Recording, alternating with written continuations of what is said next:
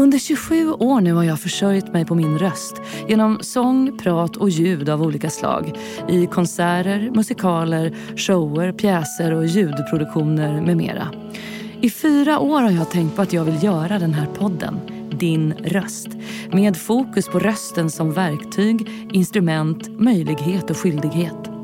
Jag hoppas att ni får med er något nytt i varje avsnitt som alla kommer vara helt olika. Både vad gäller längd och innehåll och val av gäst. Jag heter Sanna Martin. Välkomna, nu kör vi!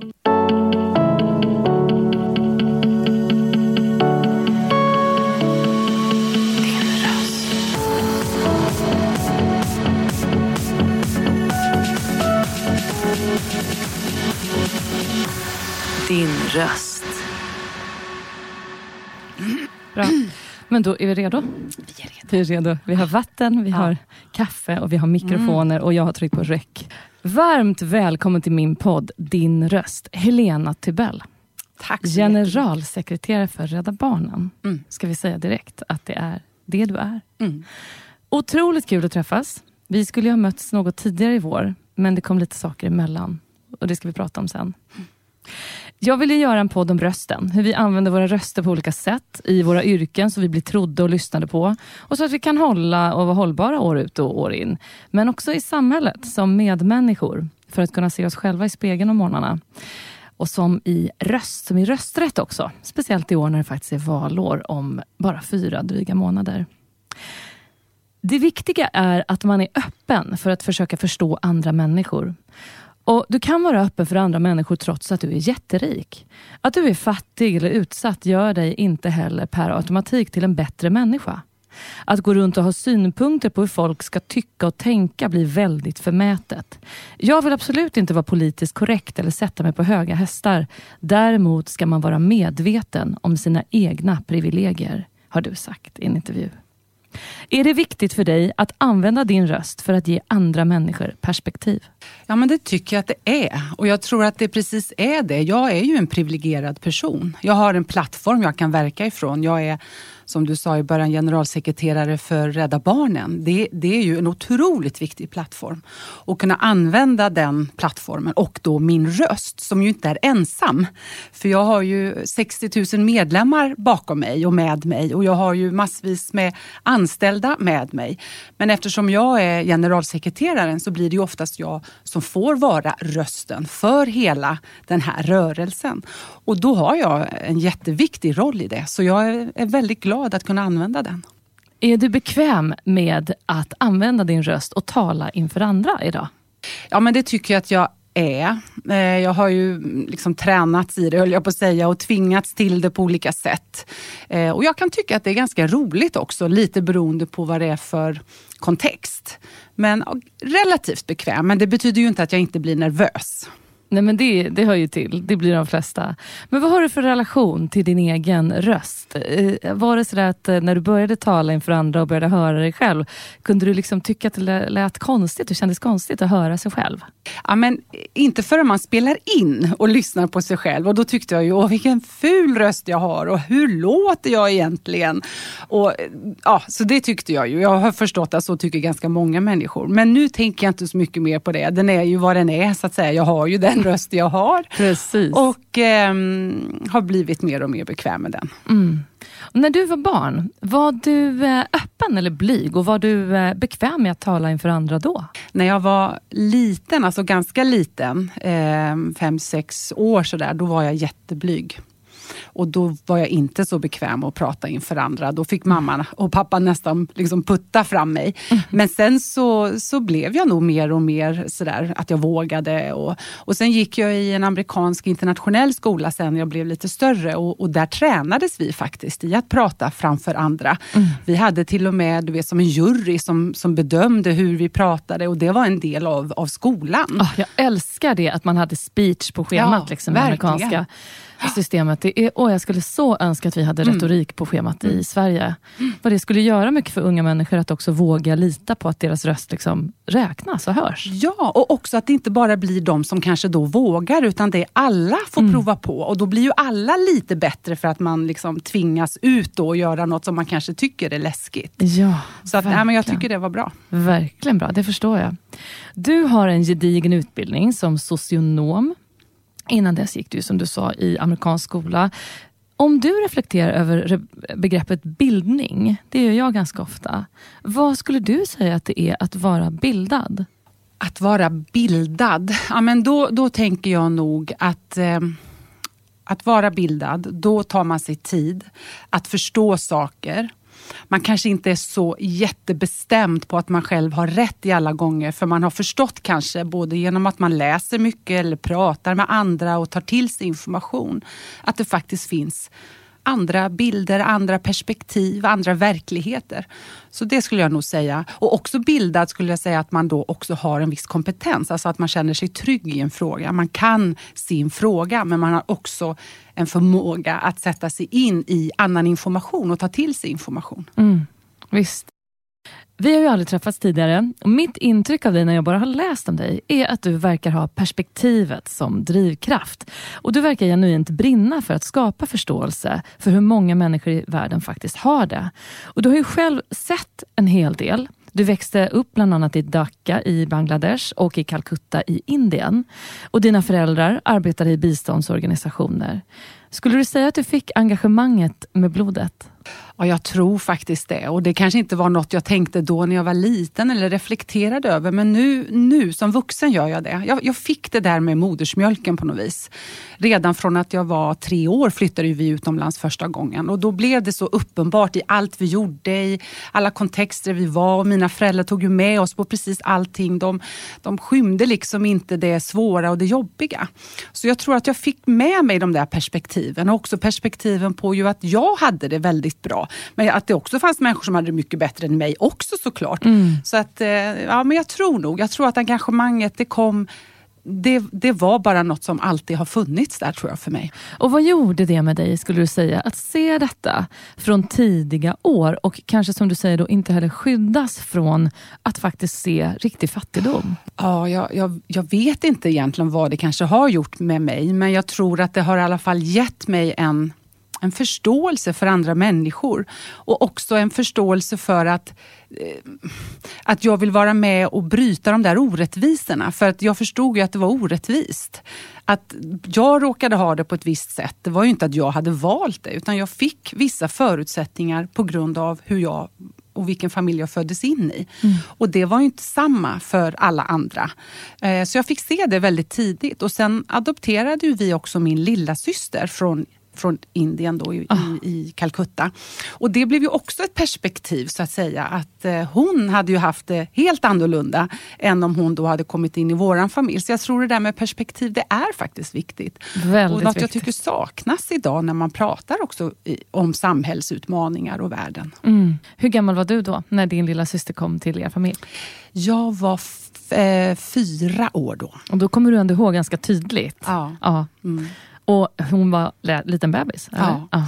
Min mamma hade ju, eh, tog ju hand om övergivna bebisar så vi hade alltid sju, åtta övergivna bebisar hemma hos oss som mamma tog hand om och skötte. Och min lilla syster var då en av dem. Ah, vilken upplevelse också. Mm. att det, det kanske är dubbelt för ett barn att veta att man måste dela sin mamma på det sättet med många andra. Mm. Upplevde du att det var något jobbigt med det? Om du tänker tillbaks? Nej, jag, det var ju så att det alltid var, "Ja, men ni får vänta, det finns de som har det svårare. Men vänta nu, vi måste mata den här bebisen eller byta blöja på den här. Så var det ju såklart.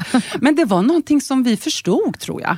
Ehm, men jag har ju i efterhand förstått att det är klart att det påverkade också. Och sen på socionomutbildningen så vänder man och vrider ur sig själv och ska hitta alla sina sidor ju för att man sen ska kunna gå vidare. Och då tror jag att jag började reflektera mer över det. Att det är klart, någonting gjorde det ju med en. Det, eh, men inte så att det, det, det blev snarare att jag fick energi av det så att säga. Inte att jag kände mig åsidosatt. Nej. Har du alltid som vuxen varit engagerad och intresserad av samhällsfrågor? Ja, jag skulle säga det. Inte alltid att jag kanske jobbat med den typen av frågor, men alltid varit intresserad. Alltid diskuterat frågor, varit intresserad ända sedan jag var ja, liksom från tonåren så att säga. Från att man då kan börja rösta och sådär. Mm. ja, det har jag. Och ditt yrkesliv har innehållit både arbete inom bistånd och föreningsverksamhet och hållbarhetsfrågor inom inte minst H&M där du var under många år. Vad skulle du säga är det som intresserar dig mest och som har förenat de roller du har haft i din karriär hittills? Mm. Jag tror att det handlar mycket om att vara med och, och, och få göra skillnad. Att få vara, få vara med och göra någon form av förändring. Och jag har alltid haft förmånen att kunna göra det från någon form av plattform där jag också varit ledare. Så jag har haft resurser och möjligheter att göra förändring. Men det tror jag är det som har förenat. Att göra skillnad, att vara med och förändra. Och det kan vara på olika sätt då, i de olika rollerna. Men det är nog den, den röda tråden. Att driva eh, frågor och få saker att hända. Mm. Och I augusti 2019 så tillträdde du som generalsekreterare här på Rädda Barnen. Och jag säger här för att vi sitter i era lokaler här i Alvik utanför Stockholm.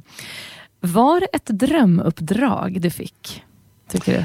Ja, men jag skulle nog säga att det var det faktiskt. För att jag... Eh, det var som att det kombinerade allting på ett alldeles perfekt sätt från min bakgrund. Både liksom min utbildning som socionom, att jag alltid har velat jobba med barn som, som har det svårt på olika sätt.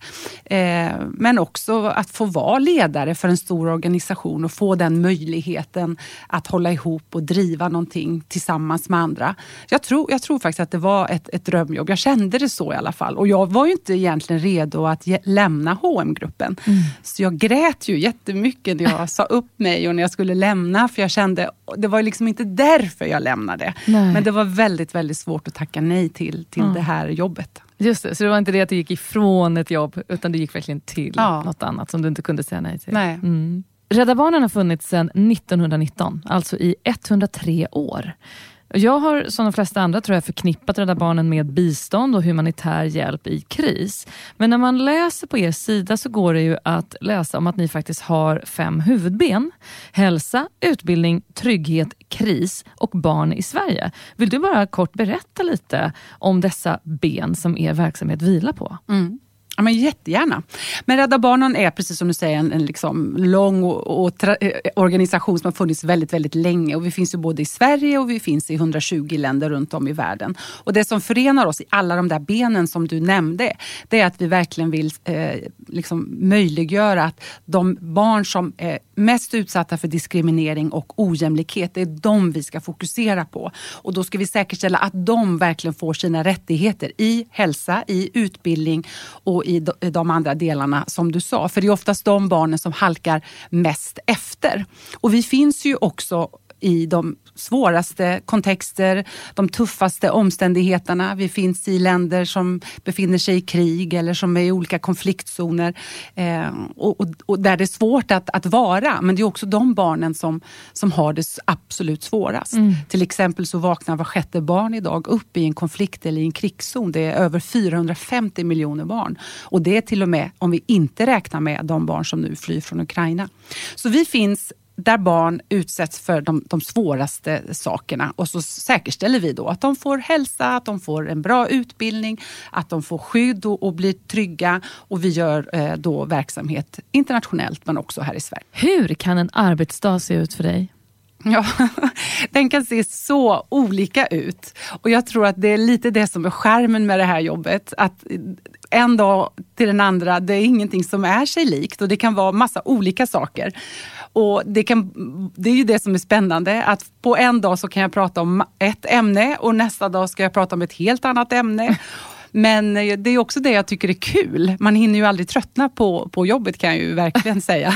Men var det inte väldigt mycket då att sätta sig in i när du började? Ja. Med tanke på det som du säger nu, att det är så olika. Ja måste varit jättemycket. Mm, det var jätte, jättemycket. Men som tur är behöver ju inte jag vara experten i de här frågorna. Utan jag har ju massvis med superbra kollegor som, som kan vara det. Mm. Men ändå behöver man ju förstå hur saker hänger ihop. Just det. Men jag sitter i rätt mycket möten, det gör jag. Och eh, uppföljningar och avstämningar och, och briefingar ibland för att för, förstå saker. Och, ja, så att det kan vara väldigt olika. Men spännande dagar nästan alltid. Ja. Och när du sitter på de här mötena och tänker på de här spännande dagarna, kan du känna då att du faktiskt är med och gör skillnad? Att det finns en kraft i ert jobb? Ja, det känner jag. Det känner jag faktiskt eh, varje dag måste jag säga. För att nästan varje dag, ja, i princip varje dag när jag läser tidningen eller kollar på nyheterna så är det alltid något ämne som jag vet, det där jobbar vi med, det där försöker vi göra bättre, det där är vi med och påverkar. Så då känner jag verkligen att vi är mitt i det som händer i Sverige men också utomlands. Mm. Du och jag skulle möts lite tidigare i våras, eh, men då kom en resa emellan för dig. Du åkte till den ukrainska gränsen i Rumänien. Och jag hade tänkt fråga vad ni arbetar med allra mest just nu och det var väldigt mycket därför jag ville träffa dig mm. som jobbar med en stor organisation där det nu blev ett läge som var väldigt hands-on mm. när Ryssland gick in i Ukraina. Kan du beskriva den här resan lite grann? Mm. Ja, men jag, jag ville åka till Rumänien för att verkligen se vad vi gör, vår verksamhet där och förstå, eh, träffa kollegor på plats. Eh, och då kom jag så nära Ukraina jag kunde eftersom vi precis var vid, vid gränsen. Så vi var i, i en gränsstad som heter Siret där också är en stor logistikpunkt kan man säga. Där väldigt mycket av liksom lastbilar och hjälpsändningar in i Ukraina åker förbi den här punkten. Och här möter då Rädda Barnen de flyktingar som lämnar Ukraina.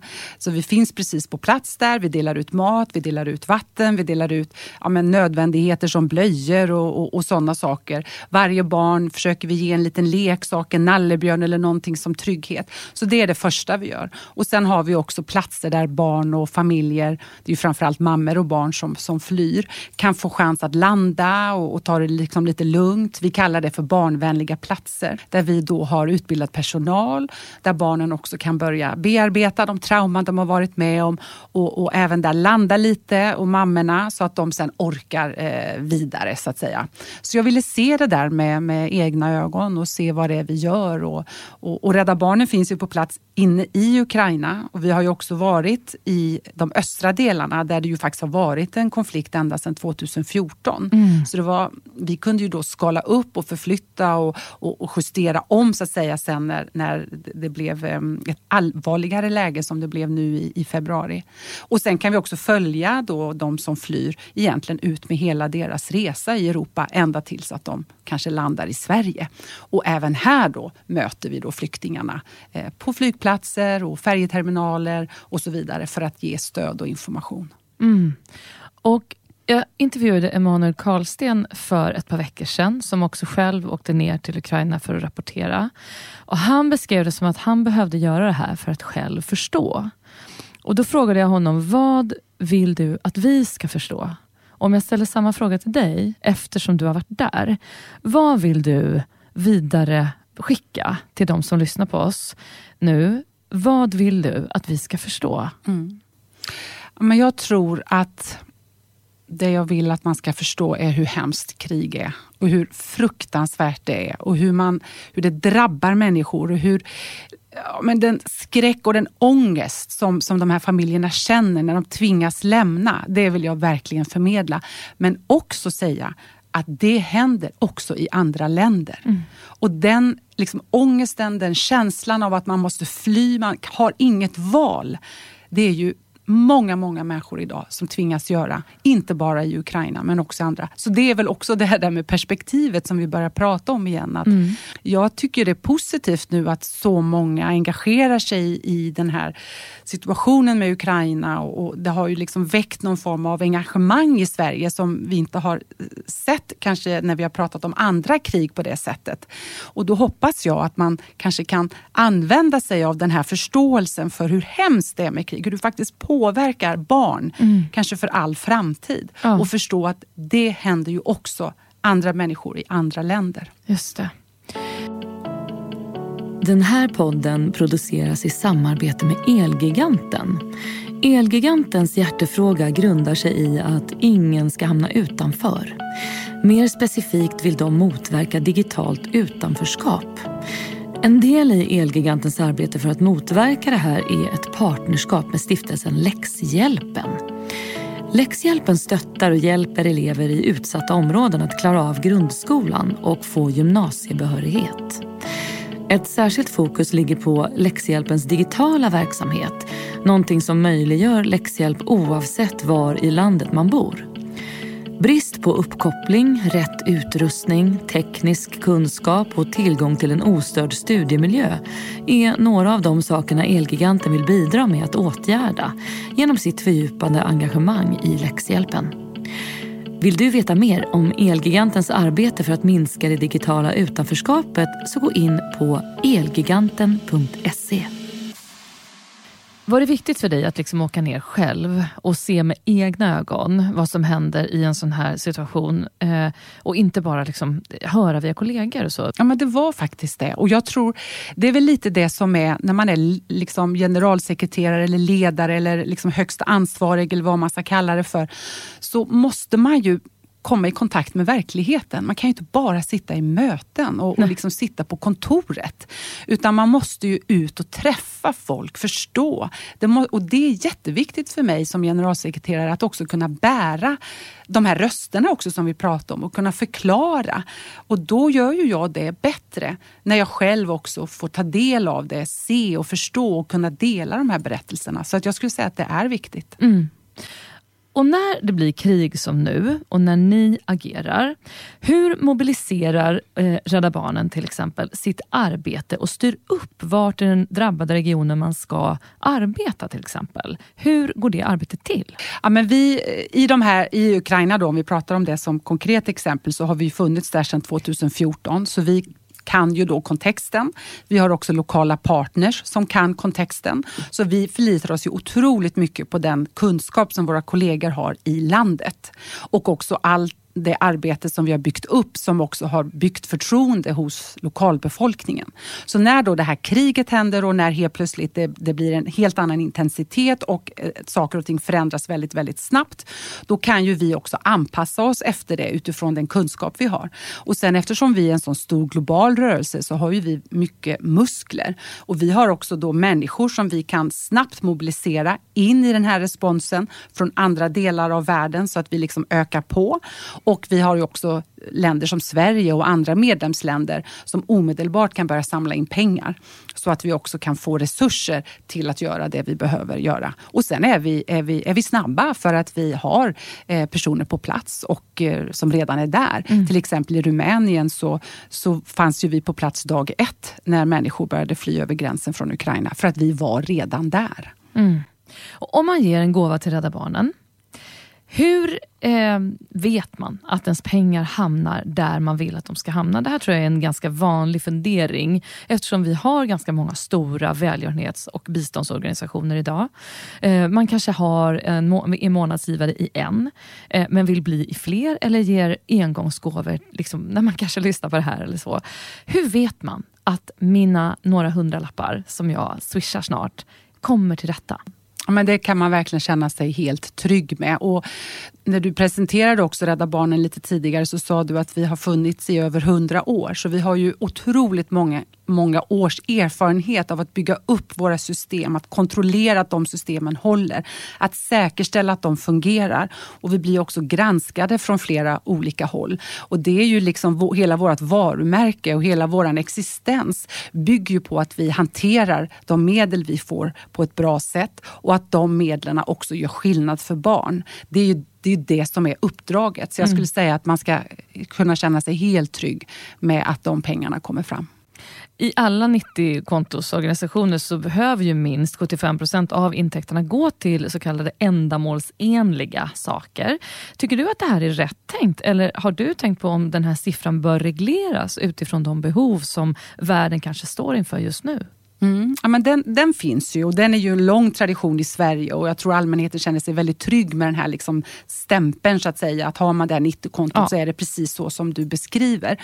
Jag tror att man behöver börja prata, inte så himla mycket om, om exakt de där procenten om jag ska vara ärlig, utan mm. det som egentligen betyder någonting är ju vilken skillnad man gör. Vilken impact som det leder till. Det. För det kan ju vara organisationer som följer de där procenten men det blir ingen förändring med det arbetet arbetet de gör i alla fall. Nej. Då, om man ska vara lite filosofisk, så, då, då kanske det inte gjorde så stor skillnad exakt vad de procenten var.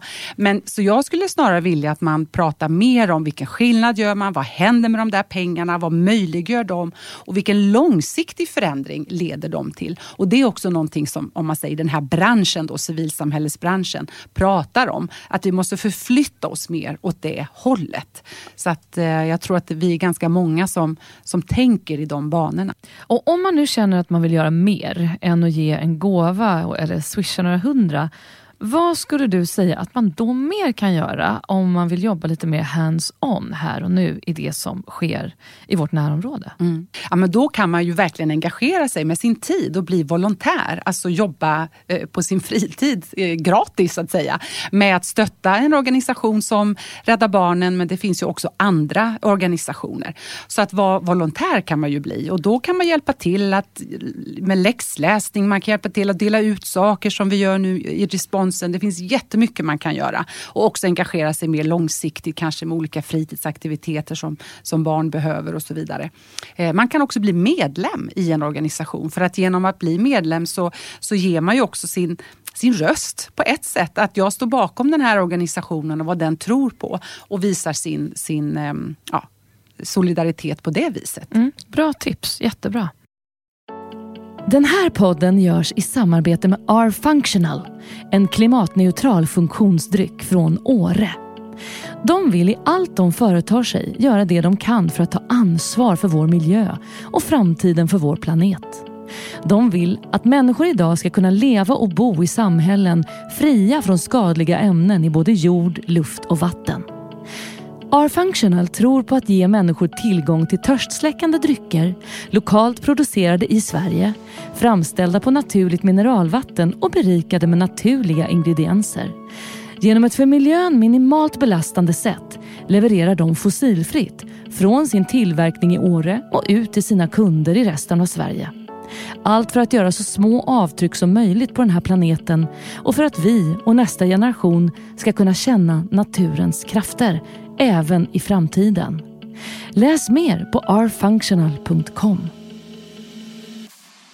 Jag läste igår kväll så satt jag och läste på er hemsida eh, och då läste jag ett blogginlägg som du skrev nu i fredags på er sida om barnaga.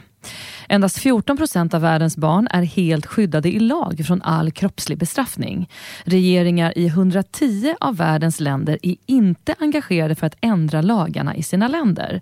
Och i 64 länder är barnaga inte fullt ut förbjudet ens i skolor. Hur kan ni som organisation trycka på och påverka regeringar världen över att se över till exempel det här området som du valde att lyfta i det här inlägget?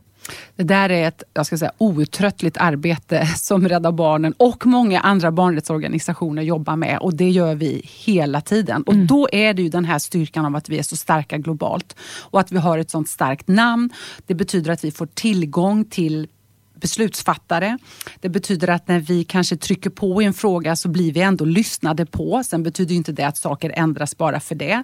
Men vi har en röst också där i det globala. Och sen jobbar vi väldigt mycket med fotarbete, alltså underifrån. Så vi jobbar ju med lokala organisationer i de här länderna där vi också lyfter fram barns egna röster. Hur upplever de det? Hur skulle de vilja ha det istället? För det här är ju också väldigt mycket traditioner och kanske kopplat till barnuppfostran och där man kanske tror att man ska få göra lite som man vill. Men, ja, men så är det ju inte. Och då kan det också vara så att föräldrar behöver stöd i vad gör jag istället då? Om man då har varit van att att, ja, att det är okej okay med barnaga så att säga. Så att det är många olika arbeten vi behöver göra samtidigt från mm. olika fronter för att förflytta den här frågan. Men vi är ju inte nöjda förrän varje land har, eh, har förbud mot barnaga. Upplever du att er röst i olika länder liksom räknas olika mycket? Om man kan säga så. Att vissa länder är mer benägna att lyssna på er organisation eller liknande organisationer än andra? Ja, så kan det nog vara och det kan kanske också hänga ihop med hur, hur um, stora eller kända vi råkar vara i just det landet. Mm. Så, så, mm. det kan absolut ha en, en påverkan. Men vi har ju också det här globala lagret så att säga som går utanför alla länder som vi också kan prata med eh, via till exempel när man pratar mot FN eller andra organisationer. Och då är det ju inte ett land så riktigt utan då blir det ju vi som global organisation som, som säger säger någonting.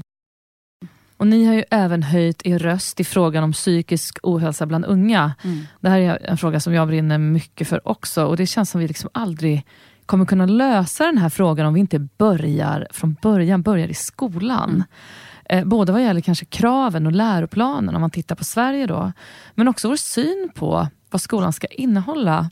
Hur tänker du kring den här frågan? Mm. Ja, men det där är ju en otroligt viktig fråga och det ser vi också att den psykiska ohälsan ökar och det är ju väldigt alarmerande. Och eh, också nu efter pandemin hur, hur, det också kan ha lett till ökade, en ökad känsla av maktlöshet och hopplöshet hos, hos många barn. Och det är ju avgörande och vi vet ju egentligen vad en del av receptet kan vara för det. Det är ju viktigt med fritidsaktiviteter, det är viktigt att bli tagen på allvar i skolan till exempel med de här frågorna. Det är viktigt att det finns en bra elevhälsa, att det finns eh, möjligheter att, att få uttrycka det här, eh, att man trivs i skolan, att mm. man blir lyssnad på. Jag menar de där grundläggande sakerna som jag tror varje människa egentligen är i behov av. Det gäller mm. ju också för barn och ja. i skolan. Det är ett väldigt fokus på prestation och, och ämnen kan jag tycka mm. som ja, jag har två barn i olika liksom, åldrar och det, det, är ju det, det, är det där. Man skulle önska att de pratade mm. lite mer om hur det är att vara människa. Ja faktiskt. Mm. Men vad skulle du säga är den största utmaningen för er organisation idag?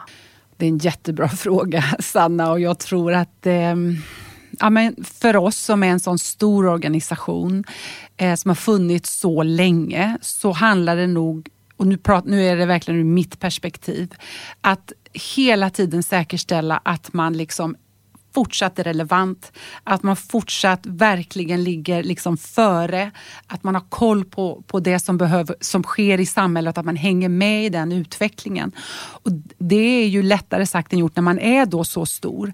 Eh, men det skulle jag säga, och sen att få alla att gå åt samma håll samtidigt i frågor.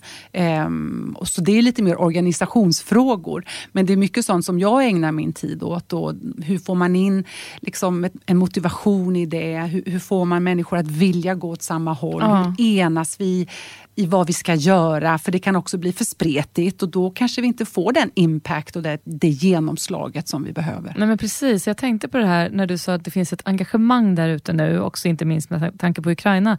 Så jag har många kollegor, inte minst i artistvärlden, som är enormt engagerade och tagit många egna initiativ kring välgörenhet och verkligen använt sin tid och sin plattform för att belysa det som är viktigt för dem. Och Jag tänker på att där är det ju, om du drar igång ett eget välgörenhetsprojekt. Eh, jag har en guddotter som bara är 20 som drog igång en jättestor grej när hon var barn.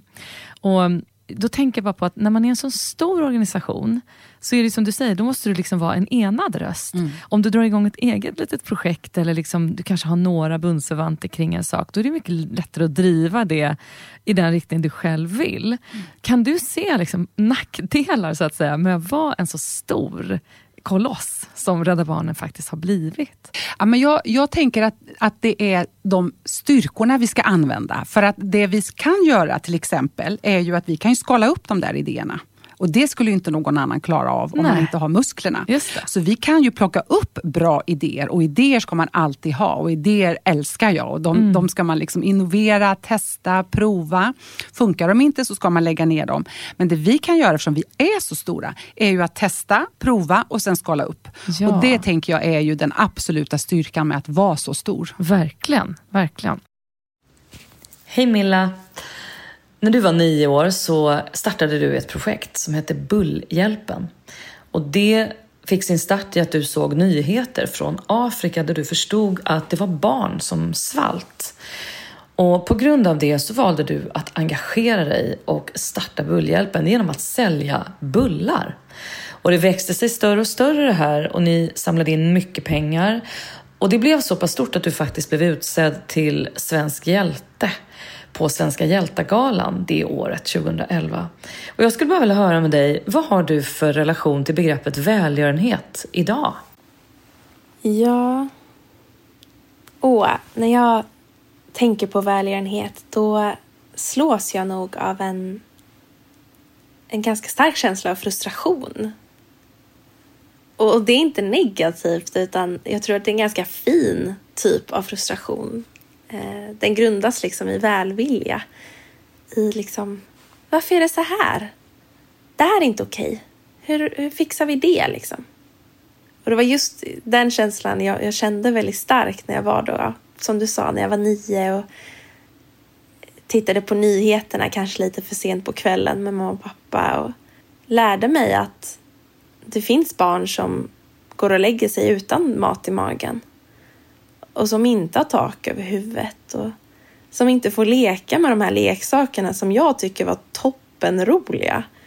Jag förstod liksom inte varför de inte skulle få, ja, men få mina leksaker och käka pannkakor och gå i skolan och träffa vänner och, och göra allt det här som jag tyckte var helt självklart. Jag blev så arg när jag liksom insåg den här orättvisan. Och det var just den här frustrationen som, som drev mig framåt. Jag tror som barn var den känslan ganska enkel. Det var ganska rakt på. Jag tror tyvärr vuxna har en tendens att så, trassla in sig i det komplexa och med problem. Och hade jag försökt att göra samma sak idag så tror jag tyvärr att jag mest hade sett hinder.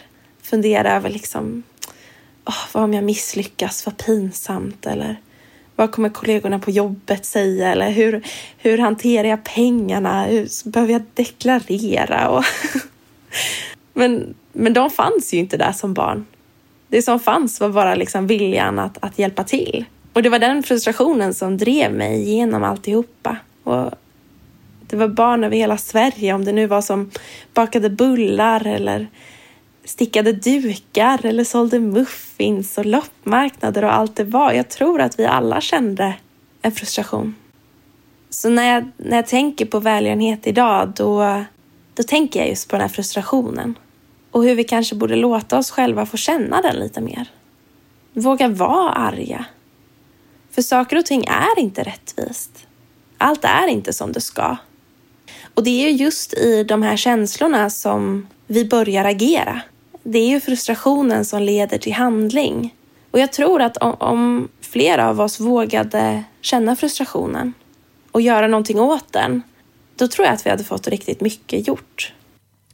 Min ambition har alltid varit att göra skillnad, har du sagt. Det är därför jag gillar att vara ledare, för då får man en plattform där det är enklare att göra skillnad. Eh, och Du var inne på det här med ledarskap tidigare när vi pratade. Och vad skulle du säga är ett gott ledarskap? Ja, jag, jag tänker ett gott ledarskap. Jag har ju tittat på de som jag har, har tyckt och är bra ledare och försökt att lära mig av dem. Mm. Och Det som jag har inspirerats av hos andra, som jag försöker liksom träna på i mitt eget ledarskap, det är ju ändå att ge människor möjligheter, att skapa förutsättningar för andra. Att få andra att växa, att liksom prov, få andra att vilja prova, att uppmuntra andra människor. Eh, för då liksom lösgör man en kraft som jag tror är väldigt, väldigt stark. Och, och jag kan bara gå till mig själv. När jag har blivit behandlad så av mina ledare så har jag kunnat har jag kunnat känna att jag kan förflytta berg. Mm. Och då kan jag göra hur mycket som helst.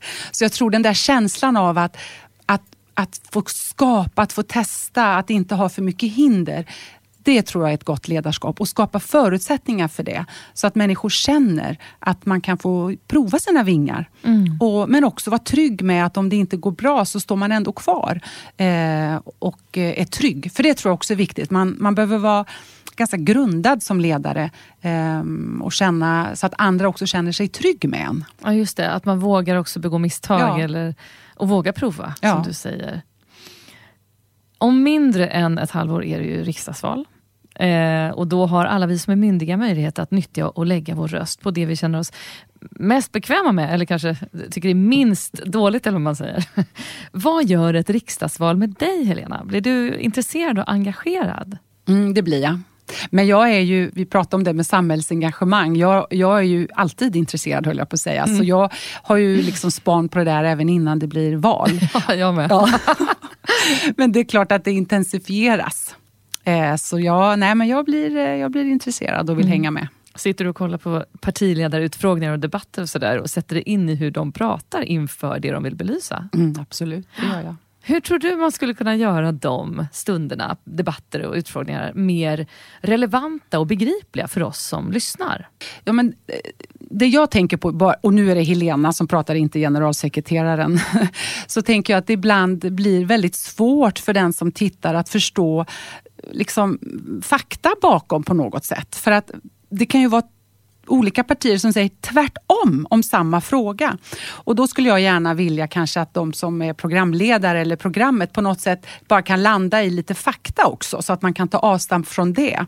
Det, det har väl jag tänkt ibland eh, i energifrågan till exempel. De ena säger att det finns hur mycket energi som helst och någon annan säger att det finns ingen energi. Jag menar det är jättesvårt ah, att, att förstå. Oh, jag håller med dig helt. Alltså. Det är så förvirrande. Och det är verkligen någonting som inte, det känns inte som att det borde vara så svårt det du pekar på nu tycker jag är jätterelevant. Hoppas de lyssnar och tar till sig ja. det. Vad stör du dig mest på när du tänker på svensk politik idag? Nu är det också Helena som pratar. Eh, jag tycker att det är en avsaknad av en, en vision av, av Sverige på något sätt. Vad vill man? Eh, och det blir väldigt kortsiktigt. Eh, här och nu-frågor. Det stör jag mig på och jag tycker också att det blir väldigt mycket att man hela tiden ska påtala hur fel alla andra har gjort det istället för att berätta vad man själv ska göra. Det är väl de två sakerna jag tycker är tråkigast. Ja, egentligen. jag skriver under på båda direkt, mm. absolut. Och om vi vänder på kakan, är det någonting du reflekterar över som du tycker är riktigt bra av det du ser? Men det som jag tycker ändå är bra, det är ju att inget parti längre inte kan säga att man behöver göra någonting med klimatet. Utan att liksom klimatfrågan är ju någonting som har kommit på agendan och, och sen kan den vara mer eller mindre såklart. Men det finns ju ingen som inte kan prata om klimatfrågan och det vill jag se mer av. För jag menar, det är ju verkligen en ödesfråga för vår planet. Vilken samhällsutmaning eller politisk fråga går du och funderar på mycket om dagarna? Ja, men jag funderar nog en hel del på hur man, hur man kan få till lite mer det där långsiktiga och hur man kanske kan ha lösningar som, som löser liksom samhällsproblemen lite kanske innan de händer. För det är alltid väldigt reaktivt tycker jag väldigt mycket och väldigt här och nu. Så det skulle jag vilja om någon kunde prata lite mer om de långsiktiga. Och jag vet att när jag ibland pratar om det där med kanske tidiga och förebyggande insatser, hur viktigt det är om man också tänker på ur ett barnperspektiv. Mm. Att liksom får rätt förutsättningar från början så att det inte behöver gå snett. Tänk vad viktigt! Och då tänker jag, om inte, tänk om alla politiker kunde komma med massa förslag som byggde det också, samtidigt som de kommer med många andra, kanske mer repressiva förslag. Så lite det där, att balansera eh, förslag. Eh, och det tycker jag, det är jag intresserad av. Hur kan man göra det? Hur kan man få till det? Mm, jag håller med helt. Och hur man kan bygga ett samhälle och tänka att alla ska liksom tro på att de själva får vara med i det mm. samhället. Mm. Jag tycker själv att, eh, jag, för ett par veckor tillbaka så hade jag en gäst i podden som heter Sissela Nattli som är hjärnforskare och författare. Och Hon pratar väldigt mycket om det här med att, att barn med speciella behov är ju en grupp som är väldigt utsatt, till exempel mm. vad gäller psykisk ohälsa i skolan. Och man kommer liksom inte lösa någonting förrän man har tittat igenom läroplaner och sett till att den faktiskt är mer kompatibel mm. med liksom, de grundläggande kunskaperna måste vara mer kompatibla för alla barn. Och där håller jag så mycket med. Då, liksom, då skulle man ju få en bättre lösning på både psykisk ohälsa men även gängkriminalitet och liksom det här där folk söker sig till någonting annat. Mm.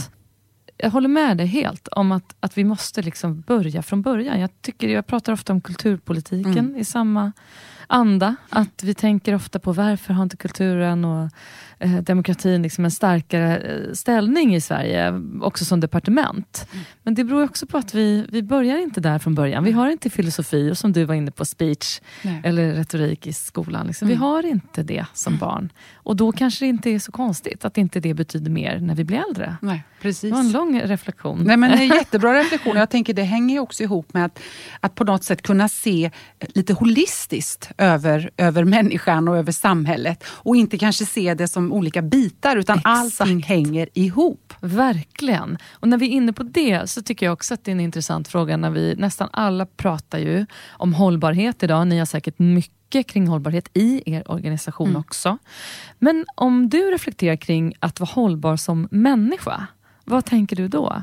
Ja, men då tänker jag också att jag som människa har olika bitar som behöver hänga ihop. Så jag kan liksom inte lägga all energi på jobbet för då har jag ju ingen energi kvar för familjen eller för liksom fritiden.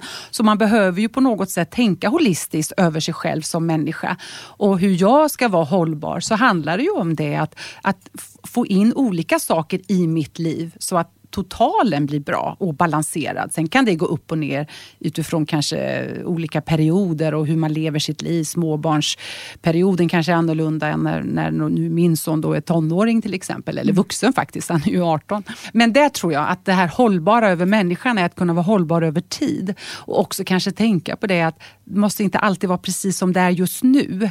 Eh, men där har jag jobbat mycket med att, att eh, hitta återhämtning till Ja, exempel. jag tänkte just fråga dig, är du bra på det? Att liksom lämna jobbet? För det här kan ju också, kan jag tänka mig, verkligen vara en roll och ett jobb där du går och grubblar hemma och ser saker som verkligen berör på djupet. Men är du bra på att lägga ifrån dig det och återhämta dig och ta igen dig? Ja, men jag, jag tror att jag är ganska bra på det, för att jag, jag kan också jag kan liksom lägga saker åt sidan och jag är bra på att prioritera och veta när jag måste göra någonting eller inte. Mm. Sen har jag alltid en, en ganska hög energi och det har jag som, som person och alltid haft. Så att, att just liksom superslappna av är inte jag världsbäst på. Men, men det har inte så mycket med det här jobbet att göra. Jag tror det har att göra med liksom vem jag är som, som Ja. person. Men jag märker det att eh, det här med återhämtning också blir viktigare med åren. Ja, faktiskt. verkligen. Det, man tyckte man var liksom Ja. odödlig på alla fronter Mm. förut, men riktigt så är det ju inte Nej, det är faktiskt. inte så. Nej. När du själv står inför ett riksdagsval, brukar du tycka det är lätt att liksom navigera kring hur du ska rösta? Eller är du en ambivalent väljare? Jag är eh, lite mer åt det ambivalenta hållet eh, och har nog varit det i de senaste valen. Innan var det enklare, Mm. tyckte jag. Så ja, det är inte självklart för mig. Nej, inte alls för mig heller. Det är en stor del i att jag ens vill göra den här podden. För jag upplever också, apropå hur det är att bli äldre, så tycker jag också att jag fick liksom kraft av att till slut erkänna att men jag vet inte. Eh, för att det är så många som är tvärsäkra på många områden. Om hur vi ska äta och vilken bil vi ska köra och hej och. Men, eh, men det är inte alltid så himla svart eller vitt. Nej. faktiskt. Ehm, du har ju, som du sa, eh, ett snart vuxet barn. Mm. Vad är det främsta du vill plantera i honom, att han får med sig ut i livet från dig? Ja, men ja, det absolut viktigaste det är att han, att han blir en, en snäll person, skulle jag vilja säga. Att han förstår att han fick vissa förutsättningar, att han inte tar för givet att alla andra människor har dem. Utan att han, utan att han ska vara snäll. Att han ska liksom vara förstående mot andra människor, att han ska eh, räcka ut en hand om det behövs. Det betyder ju inte att inte han ska liksom köra på och liksom lyckas med det han vill. Men han måste alltid ha den där andra sidan. Om jag kan ge honom det, då skulle jag vara jätte, jätteglad. Har ni pratat mycket nu om när han ska för första gången få gå och lägga sin första Mm. röst? Har du liksom peppat honom att på något sätt känna efter och gå på sin magkänsla? Eller har ni snackat mycket om det här? Ja, det har vi. Och jag har frågat honom vad han tror och hur han tänker. Och, och han går samhälle samhälle på eh, gymnasiet. Han tar studenten nu i, i sommar, så han är ju intresserad av samhället. Ja. Men jag vet faktiskt inte vad han ska rösta på. Eh, och jag har ju som sagt inte heller helt landat Nej. i vad jag ska. Men vi pratar om det och det viktigaste är ju precis som du säger att han landar i vad han tycker är viktigast och att han tar, sig till, tar till sig information och kan göra sin egen analys och, och utifrån det lägga sin röst. Och jätteviktigt att rösta, det måste han ju göra. Ja, men jag. precis, bara man använder den. Och Det är också viktigt tycker jag att belysa, eh, alltid när man träffar unga och pratar med unga, och eventuellt de unga nu som lyssnar på oss. Hur kan vi vuxna hjälpa unga att förstå att deras röster räknas, både demokratiskt men också fysiskt i samhället? Eh, hur tror du att vi vuxna kan engagera de unga så att de blir engagerade? Ja, det där är ju en otrolig knäckfråga för att tyvärr visar det sig ju att, att när man gör stora undersökningar så, så går det ju ner liksom i det här tron på att politiker ska kunna lösa våra utmaningar. Det är ju, vi gjorde faktiskt en sån stor undersökning på mitt förra arbete när vi försökte hitta liksom, strategier och riktning framåt. Och, och då är det ju någonting man har misslyckats med med, med politiken. Och, och då kanske är det lite som vi pratade om innan, att, att det är svårt att förstå vad är visionen? Vad är det de faktiskt löser då? Så där är det ju jätteviktigt att få tillbaka en känsla av att det visst spelar roll, men då måste man ju lyssna på barn och ungdomar. Och om man inte lyssnar på barn och unga så blir det ju svårt. Och där har vi ju klimatfrågan som ett jättekonkret exempel. Jag menar, vem kan ha missat att barn och unga försöker höja sina röster över hela världen? Men vad händer? Det händer ju inte så mycket. Nej. Eh, kan du känna en, en besvikelse över det? Ja. Att vi äldre liksom sviker på Mm. något sätt? Absolut. Och jag är ju en del av den, den generationen också. Ja, ja, jag som har också, men svikit. precis. Ja, det kan jag känna. Men hur, ehm, för jag tänker det du säger är så viktigt att vi måste lyssna på dem. Mm. Eh, jag har förstått efter att ha träffat en, en del gäster i den här eh, kontexten att engagemang bland unga finns men det partipolitiska engagemanget det sjunker. Mm. Eh, och det gör ju precis som du säger, då kanske inte så många vill bli politiker. Eh, och varför då kan man fråga sig. Där kan det också vara så att det är väldigt hårdhudat Mm. klimat. Eh, jag förstår själv knappt hur politikerna står ut Mm. med allt som finns både liksom, eh, på tv och Twitter och i den offentliga debatten idag. Mm. Hur tänker du att vi vanliga medborgare så att säga, skulle kunna stärka det här demokratiska samtalet så att vi alla blir bättre på att lyssna på varandra? Mm. Nej, men det är väl någonting som går lite åt fel håll, hur vi faktiskt lyssnar på varandra. Att det ska vara så snabbt och snärtigt. Och, eh, man har inte tid till kom komplicerade utläggningar och det ska gå fort. Och, och Det är de här liksom snabba one-liners som går igenom och man kan vara hård och tuff mot varandra. Jag tror vi alla har ett ansvar innan vi, vad vi än gör i det offentliga samtalet, att säga tänka till. Hur, hur, vad händer med den här informationen nu om jag släpper den? Vad händer i, i den här dialogen? Jag, jag tror att vi har ett viktigt ansvar var och en av oss faktiskt som vuxna som deltar för att bidra till ett annat samtalsklimat. Det är ju liksom ingen annan som kommer att göra det mer än vi själva som är med i det. Nej, precis. Absolut. Jag tänker på det här med biståndspolitiken. Jag själv är inte insatt i den frågan. Är det någonting som liksom du tvingades att sätta dig in i mer när du fick det här jobbet? Att titta på hur svenskt bistånd ser ut? Ja, men jag hade det nog också med mig från tidigare, liksom också tidigare jobb men också tidigare intresse och så vidare. Men absolut, och det är ju en av de, en jätteviktig fråga för Rädda Barnen att bibehålla enprocentsmålet till bistånd eh, och verkligen stå upp för det och, och verkligen fortsätta det som, som land som Sverige har gjort i alla år. Och därför är vi också väldigt upprörda nu när regeringen lägger förslag att man då ska göra vad- det heter avräkningar av det här biståndet för att använda det till att ta emot ukrainska flyktingar i Sverige. För då betyder ju det att de andra länderna som behöver biståndet, för biståndet ska ju motverka fattigdom och utveck, vara utvecklande för andra länder eh, som har det mycket, mycket sämre än vad vi har. Då blir det ju mindre pengar där. Ja, det, Vad bra att du förklarar det, för det här är någonting som jag tror är lite diffust faktiskt för många. Men konkret sett så är det eh, bistånd, bistånd, svensk biståndspolitik sker liksom utåt, eller hur? Ja. Alltså till andra länder. Mm. Hur, hade du, hur tror du att man skulle kunna säkerställa att vi har det vi behöver så att säga, för att till exempel ta emot flyktingar nu? Finns det något bättre sätt att tänka än vad de nu föreslog? Ja, det de har föreslagit är väl det sämsta. Ah, för ja. att de tar ju då från de som är absolut fattigast för att liksom stötta upp Sveriges ekonomi. Och, och eh, Sveriges ekonomi är ju stark och god och, och vi har starka finanser. Jag menar, det är ju bara att se när vi, när vi löser olika saker som vi gör nu med olika kompensationer så har vi ju pengar och vi har också eh, vi har en stark ekonomi och då borde det gå att hitta de pengarna från andra håll. Det ska Ja. inte tas av biståndspengarna. Nej. Och detta har ni bland annat påpekat. Oh ja, vi har gjort det jättemycket och fortsätter att påpeka det. Men också många av våra andra liksom, systerorganisationer eller andra civilsamhällesorganisationer i Sverige. Vi är många som, som, som tycker det här är, är helt fel.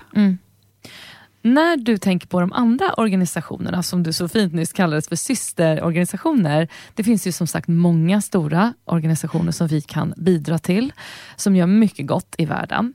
Eh, tänker ni på varandra som konkurrenter eller som kollegor? Jag tror att vi behöver tänka mer och mer på varandra som kollegor och lösa saker tillsammans. Men någonstans är vi ju också, alltså någonstans konkurrerar vi ju om eh, vissa saker, så är det. Så- Men man, det betyder ju inte att man inte kan samarbeta. Så jag tror att vi måste göra mer samarbete och vi är några större organisationer i Sverige som jobbar så redan. Där vi ser att vi lägger ihop våra resurser om man säger, eh, ja, men till exempel med flyktingmottagandet nu så, så kan vi säga, ja men då är ni bättre på det och vi är bättre på det här och vi kan finnas på den här orten så finns ni på den orten. Istället för att duplicera så kompletterar vi varandra och, och, och gör egentligen det starkare. Och det tycker jag är jätte, jättebra och, och vill verkligen förespråka att vi ska göra ännu mer av. Mm. När vi inte sågs i eh, mars så eh, jag har ett litet system här där en gäst får skicka vidare en fråga till en annan. Eh, jag har sparat din fråga från avsnitt tre med Kristina Stielli så att nu ska du få en fråga av Kristina Stielli. Spännande. Det, det ni gör på Rädda Barnen är ju min räddning när jag känner mig handlingsförlamad. Vad ska jag göra? Ska jag åka till Ukraina med, med eh, blöjor? Ska jag eh, bygga ett skyddsrum? Nej, jag ska skänka pengar till Rädda Barnen. Och jag upplever när jag möter människor att det är den här frustrationen. Jag måste kunna göra mer. Och då undrar jag, hur hanterar du den? När du ändå på, kan jag tänka mig, ännu närmare håll än vad jag och, och vi andra vanliga människor sitter på, ser det som sker. Hur gör du för att inte ramla ner i våran egen liksom otillräcklighet? Bra fråga, men väldigt svår fråga faktiskt. Mm. Jag tror att jag har lärt mig det lite grann faktiskt genom att jag är socionom och socialarbetare. För att där möttes jag ju av väldigt mycket elände kan man ju säga och eh, skulle ju kunna engagera mig hur mycket som helst. Men det hade ju inte egentligen kanske lett till att det hade blivit så mycket bättre om jag bränner ut mig. Så jag fick lära mig att sätta gränser för vad kan jag, vad kan jag inte. Och jag tror det har jag, har jag med mig i, i det här också. Mm. I att jag ju vet att nej men det kommer inte hjälpa om jag gör si eller så. Utan det hjälper kanske mer att jag sitter still, att jag möjliggör för andra. Att det är det som är skillnaden. Och Eh, att jag då på något sätt får eh, lägga band på mina egna känslor. För det är ju de egna känslorna av att jag ska göra saker som då är, är, är svårhanterliga. Utan istället känna att det jag gör är ju att möjliggöra för andra att göra och känna att det är gott nog och jag känner att det är tillräckligt och att det är tillfredsställande i sig. Men om man fortfarande känner att jag verkligen vill göra något, då är det ju det här att vara volontär. Att ge av sin tid. Och då finns det ju många organisationer man kan göra det i. Mm. Mitt eh, avsnitt nummer två, då hade jag Amanda Lind som gäst och då nämnde jag också för henne att jag skulle träffa dig. Och Då undrade hon lite hur du ser på behovet av kultur och kulturella upplevelser för barn i kris. Jag skulle säga att det är jätte, jätteviktigt. Därför att vi vet ju också eh, mycket hur hjärnan fungerar och hur man kan bearbeta saker. Och, och det här med ja, men musik eller kultur eller upplevelser eller känna igen sig i någonting när man ser någon teater eller vara med i någonting och få kanske jobba igenom någonting. Jätteviktigt och det kan faktiskt hjälpa till i, i mycket bearbetning. Och det är ju faktiskt flera organisationer som jobbar med den här metoden mm. ute i kris och konflikt konfliktzoner och så. För att det blir ett sätt för barn att bearbeta sina upplevelser. Så mm. jätteviktigt. Mm. Håller med. Du som ser och har sett så mycket mer orättvisor i världen än många andra faktiskt har gjort. Hur känner du kring hopp? Har du alltid ett hopp om att barn du ser ska få det bättre?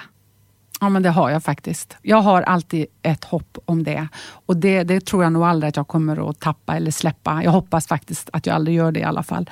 Men det handlar också mycket om att jag har en väldig tro på, på individen och på människor. Och när jag träffar barn, oavsett egentligen vad de har varit med om eller olika situationer, så kan man alltid få den där lilla känslan, den lilla strimma av hoppet, också deras ögon. Och när man ser det så känner man, ah, här finns det en kraft i det här barnet och den kommer att kunna kanske klara det här. Men det behövs ju också att vi vuxna och andra skapar de förutsättningarna. Och det är väl det som också är hoppet, att, att kunna vara med och göra det. Skapa de förutsättningarna för att barn ska klara sig. Mm. Om du fick vara minister för ett tag, vilken minister skulle då det vara och vad skulle du vilja ta tag i direkt? Ja, jag är ju ganska glad att jag jobbar på en organisation som är religiöst och politi- partipolitiskt oberoende, måste jag säga. Ja. Men jag, eh, jag skulle vara statsminister då. För då, ja, för då skulle jag kunna liksom ta ett litet helhetsgrepp och bestämma några saker, tänker jag. Och då skulle jag, det första jag skulle göra var nog det här som vi har varit inne på lite grann, att, att nu eh, liksom måste vi jobba mycket mer med tidiga insatser, förebyggande insatser och få in det i de olika ministrarnas portföljer, liksom att ge en riktning på det. Mm. Och Sen skulle jag nog också se över det här som vi också varit inne på lite, det holistiska. För det har jag tänkt mycket på när jag träffar politiker utifrån min roll som generalsekreterare. Att som liksom ett barn och en barns situation så, så berörs man ju av massvis med olika ministrar. Du har ju liksom socialtjänsten, det är en minister som har hand om. Sen har du liksom bostad, har du en annan minister som har hand om. Och sen har du alla de här olika eh, bidragen man kan ha eh, i, i, form av bostadsbidrag, barnbidrag. Då har du en annan minister. Så Det är så många saker som liksom kan hamna lite mellan stolarna. Så det där holistiska skulle jag också faktiskt se över. Hur kan man bygga de här portföljerna som ministrarna har lite mer utifrån människans behov och hur kan vi säkerställa att det inte blir då att man pekar på varandra, att det är någon annans ansvar. Nej, men det där är ju briljant. Det, åh, det skulle jag längta efter att se till att de gör. Verkligen. För det är väldigt segregerat i ja. vissa frågor. Mm. Så det är men det där är inte min grej. Nej, mycket, mycket bra. Är du orolig för världen? Ja, tyvärr så skulle jag säga att jag är lite orolig för världen. Och Det har att göra med också den pandemi som vi precis har tagit oss ur. Eller det har vi ju inte helt faktiskt ur Sverige kanske, men det finns ju fortfarande jättestora utmaningar i stora delar av världen kring pandemin. Men det gjorde ju att vi slungades liksom tillbaka i decennier av utveckling. Oh. Och, och, och det då i kombination med att det är så mycket konflikter runt om i världen, det i kombination med att man mer och mer tänker på sig och på sitt och kanske inte är benägen att räcka ut den där handen till, till andra. Eh, det gör nog att jag känner mig lite orolig för världen och tyvärr får jag väl säga då klimat, klimatkrisen också. Hur vill du helst använda din röst framöver? Ja, men jag hoppas fortsatt kunna använda den. Att belysa orättvisor, att peka på saker som, som skulle kunna bli bättre och kanske komma med förslag på det. Att ändå vara liksom positivt utvecklande på det sättet. Att, att peka på problemen också på lösningar. Eh, och, och lyfta de där rösterna som faktiskt kanske inte alltid själva får eh, en, en plattform att höras. Det, det skulle jag vilja fortsätta kunna göra. Tack snälla Helena för att jag fick prata med dig och för att du höjde din röst hos mig. Tack själv Sanna, det var jättekul och trevligt att få vara med. Tack återigen för att ni har lyssnat. Tack Elgiganten för att ni vill vara med och sponsra det här projektet och tack också till R-Functional. Och tack Rädda Barnen för att vi fick sitta i er fina studio. Vi hörs igen.